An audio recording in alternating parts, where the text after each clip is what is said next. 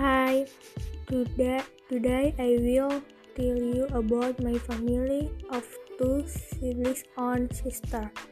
My parents were always take care, accompany, accompany and full responsibility for me and my brother. We are a harmonious family and I really love my family. Thank you.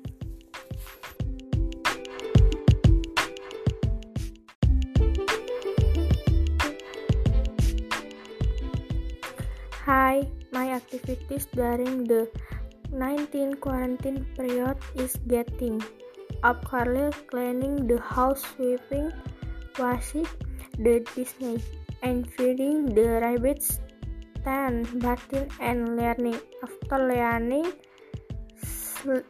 and sleeping, that what I did during quarantine.